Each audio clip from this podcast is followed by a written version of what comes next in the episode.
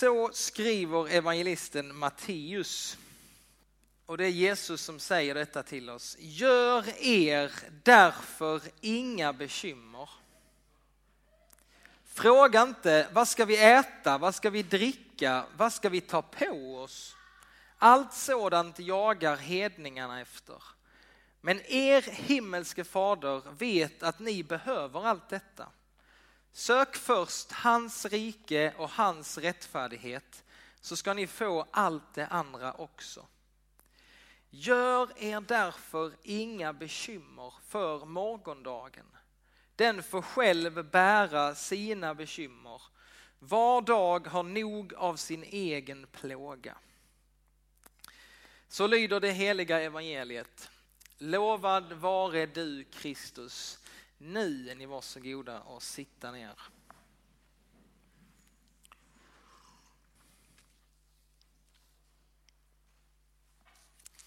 När Jesus idag säger till oss, gör er inga bekymmer, så är det framför allt bara en stor kärleksförklaring till oss och en försäkran till oss. Han lovar på flera andra ställen att han ska vara med oss. Han ska vara med oss steg för steg, dag för dag, i varje situation, i varje utmaning vi ställs inför, i varje problem vi kommer att möta, så kommer han att vara med. Därför så kan han också vara den som säger med kraft i orden, gör er inga bekymmer. Ni behöver inte göra er några bekymmer. Så detta handlar alltså inte om lättja eller att vi inte ska bry oss, att vi inte ska planera, att vi inte ska, liksom ska vara ansvarsfulla, det ska vi göra. Nej, det handlar inte om lättja, det handlar istället om Guds omsorg. Alltså Gud, han har så enormt stor omsorg om oss och han lovar att hans omsorg kommer att följa oss genom allt. Han vet vad du och jag behöver, både till kropp och till själ. Han vet att du behöver kläder. Vi vet inte alltid vad vi behöver, men han vet precis vad du och jag behöver. Därför kan vi i tro få lämna våra liv till honom, lyfta vår blick, söka honom. För han, vår himmelske fader, vet vad du och jag behöver. Och därför säger Jesus också, det som vi sjöng här innan, sök först Guds rike och hans rättfärdighet så ska ni få allt det andra också. Men låt Guds rike komma först. Och en teolog vid namn Tom Wright, som jag ja, ofta läser, han kommenterar det här stället så här. Och detta är nästan det bästa på hela predikan, så att lyssna nu. Sätt världen främst. Sätt världen främst och du upptäcker att den blir maläten i dina händer. Men sätt Gud främst så får du världen på köpet. Sätt världen främst och du upptäcker att den blir maläten i dina händer. Sätt Gud främst så får du världen på köpet. Alltså vilken deal! Så det det handlar om idag, det handlar om tillit och att få våra prioriteringar rätt och lära oss något som jag kommer lära mig hela mitt liv och något som vi får lära oss mer och mer, att lita på Gud. Vi kan lita på honom. För han vet, och jag tror att du och jag, vi vet också att denna världen, det vi ser runt omkring oss, det vi är i just nu, denna världen är inte allt. Det som nu är, det kommer att försvinna. Men Guds rike har inget slut. Denna världen har ett slut, men Guds rike har inget slut. Och vad Jesus vill säga till oss är att han är den som i den rätta stunden vill föra oss dit. Han är den, det är bara han som kan leda oss dit. Och Gud vet vad du och jag behöver på vår vandring genom livet. Och han vill lära oss den här tilliten till honom. Och därför behöver vi inte göra oss onödiga bekymmer.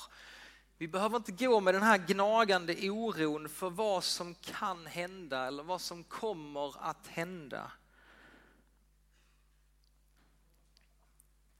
Jesus han talar här om, om hedningarna. Alltså de som inte tror på Gud, de som inte lever med honom. Och om man inte känner Gud och hans löften, liksom, de underbara löften som han har gett oss, ja då lever man med en helt annan utsatthet. Man har ingenstans att gå med sin oro, sin rädsla. Om inte Guds omsorg finns, om inte Gud finns, då blir ju tillvaron helt eh, nyckfull, väldigt oförutsägbar. Allt hänger ju då bara liksom på den turen som jag kan få i livet eller hur ödet på något sätt leder mig genom denna värld. Och det är klart att med en sån syn på livet då blir man rätt så sårbar, kanske bevakande och så med en malande oro för allt som kan hända. Det finns inga garantier, det finns ingen... Var finns tryggheten? Var finns det någonting att hålla fast vid? Men att gå in i framtiden med Gud och känna hans löften, allt som han har sagt till oss, det innebär ett helt annat sätt att leva. Det är inte så att eh, bara för att man känner Gud och hans löften så, så är man garanterad från, eh, man får liksom en lindrigare väg genom livet eller man, eh, man får liksom en gräddfil, vi som går med Gud eller känner honom. Nej, nej, nej. Så är det verkligen inte. Allt, allt som kan hända i världen, det kan hända alla. Det står det i predikarens bok i Bibeln. Allt kan hända alla, vi har ingen gräddfil. Men i allt som händer, i allt som händer, sorg och glädje, så vet vi, vi vet att allt ytterst sett vilar i Guds händer. Och att det är han som har hela världen i sin hand. Det är skönt att veta denna valdag. Vi sätter inte vår tillit till politiker eller mänskliga ledare eller hur det kommer att gå. Vi ska engagera oss för ett bättre samhälle, men vi sätter inte vår tillit till mänskliga ledare. Utan vår tillit sätter vi till honom som har all makt i himmelen och på jorden. Denna världen kommer inte att bestå för evigt. Men Guds rike har inget slut.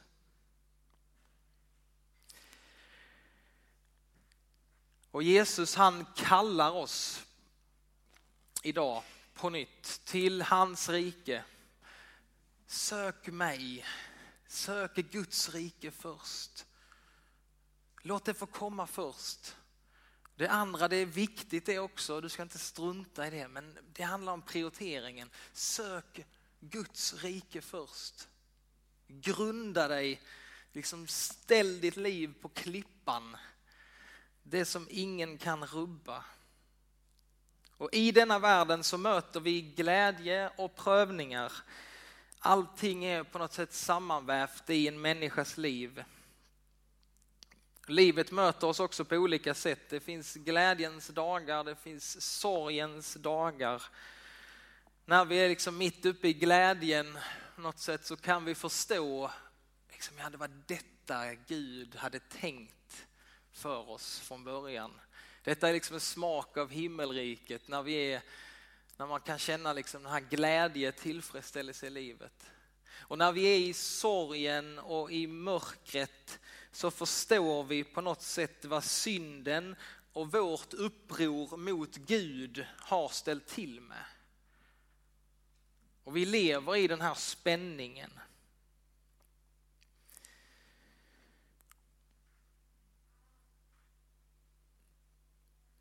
Vi får leva i både glädje och sorg. Och i det som Josefin läste i början, hon skrev, eller vad, vad, vad Paulus vittnade om. Han vittnar om ju samma sak, att han, han hade lärt sig att klara sig med det han hade. Han kunde vara fattig, han kunde leva i överflöd. Det är inte det det handlar om egentligen. Om vi lever fattigt eller om vi lever i överflöd, utan det handlar ju om vad vårt hjärta är. Och han, han vittnade att allt förmår jag genom honom som ger mig kraft. Och det är detta som Jesus vill lära oss idag, just denna tilliten och förtröstan på honom.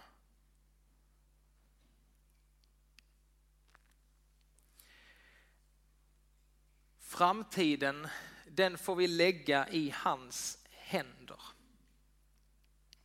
Jag tycker det är en, det är en underbar eh, tanke.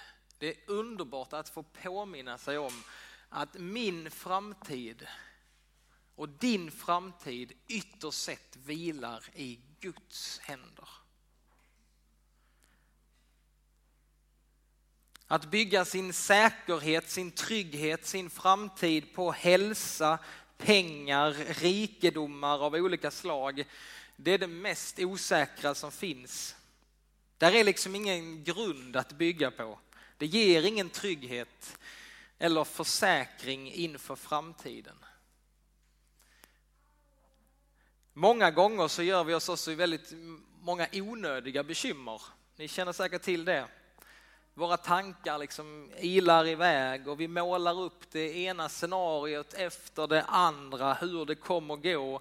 Och sen när väl saken liksom kommer, det som vi har oroat oss för, så tänker vi, ja men jag hade inte behövt oroa mig så mycket som jag gjorde inför detta. Och så lägger vi så mycket energi på att oroa oss Kanske från det som har varit eller för det som kommer. Istället för att liksom leva i nuet och ta vara på den stund som är just nu. Tänk om vi kunde lära oss detta sätt att leva i nuet och lita på Gud och inte bekymra oss. Detta är verkligen någonting att lära oss. Jag tror att vi är, vi är många som behöver lära oss detta. Och få har uttryckt detta såklart som Lina Sandell i salmen Blott en dag, ett ögonblick i sänder. Vi ska snart få sjunga den här efter predikan. Eh, och hon uttrycker just det här. Allt ju vilar i min faders händer. Skulle jag som barn väl ängslas då? När Gud, jag vet att Gud har allt i sin hand. Skulle jag som hans älskade barn ängslas då? Och detta är ju inte utan orsak en av de mest älskade psalmerna som uttrycker just det här förhållandet till Gud som får präglas av tillit, förtröstan och att lita på Gud. Han som bär för mig en moders hjärta. Vi sjunger en faders hjärta, men hon skrev faktiskt från början, han som bär för mig en moders hjärta. Han ju ger åt varje nyfödd dag dess beskärda del av fröjd och smärta, möda, vila och behag. Morgondagens omsorg den får jag spara. Om en oviss så syns min vandringsstig. Men som din dag så skall din kraft och vara. Detta löfte gav han mig. Han vill ge oss kraft för varje ny dag. Och han vill att vi ska leva liksom i den kraften och inte bekymra oss för det som kommer. Och Lina Sandell hon berättar själv i en liten skrift från 1866 hur hon eh, vad som var upphovet till den här älskade salmen. I en allegorisk berättelse så fick hon uppslaget till den här salmen. Och där berättar hon om en gammal väggklocka som hängde på väggen. Eh, min mormor hade en sån med en pendel liksom. Man hörde hela tiden. Det är inte många som har sådana nu för tiden. Men pendeln liksom påminde hela tiden om att klockan gick. Och så plötsligt stannade den här väggklockan. Och urtavlan började undersöka, vad kan det bero på? Och så plötsligt förstår den, att det är pendelns fel. Det är något som är fel med pendeln.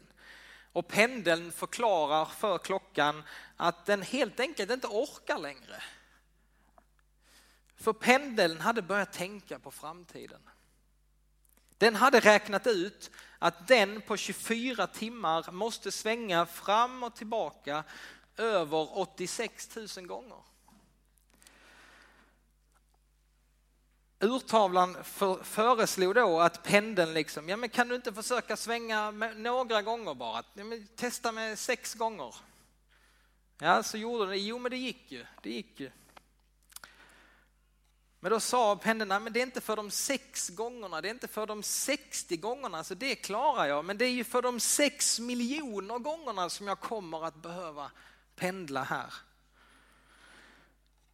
Urtavlan undrade då om det inte var just tanken på framtiden som tröttade pendeln och inte själva arbetet egentligen. Det fordras ju bara en svängning i taget. Och då insåg pendeln detta och återtog sitt tålmodiga arbete. En pendel, en svängning i taget. Och jag tror att vi människor också kan vara så. Vi pendlar mellan våra olika bekymmer och orosmoment. Det som har varit, det som kommer och så liksom förlorar vi på något sätt energin att leva i det som bara egentligen finns till och det är nuet, här och nu. Och det som Gud har lovat oss, att det idag hjälper han oss. Idag vill han ge oss kraft. Morgondagen den får vi lämna i Guds händer och vi kan lita på honom. För hans nåd är ny varje morgon. Men idag så vill han höra dina böner han vill dela dina bekymmer. Och detta är vår stora trygghet. Vad som kommer får vi lämna till honom. Och det är detta som vi får påminna oss om idag. Att han är den som bär oss, han är den som vill liksom, ja, han är vår förtröstan, vår försäkring, vår klippa. Och han har din och min framtid i sin hand. Låt oss be tillsammans.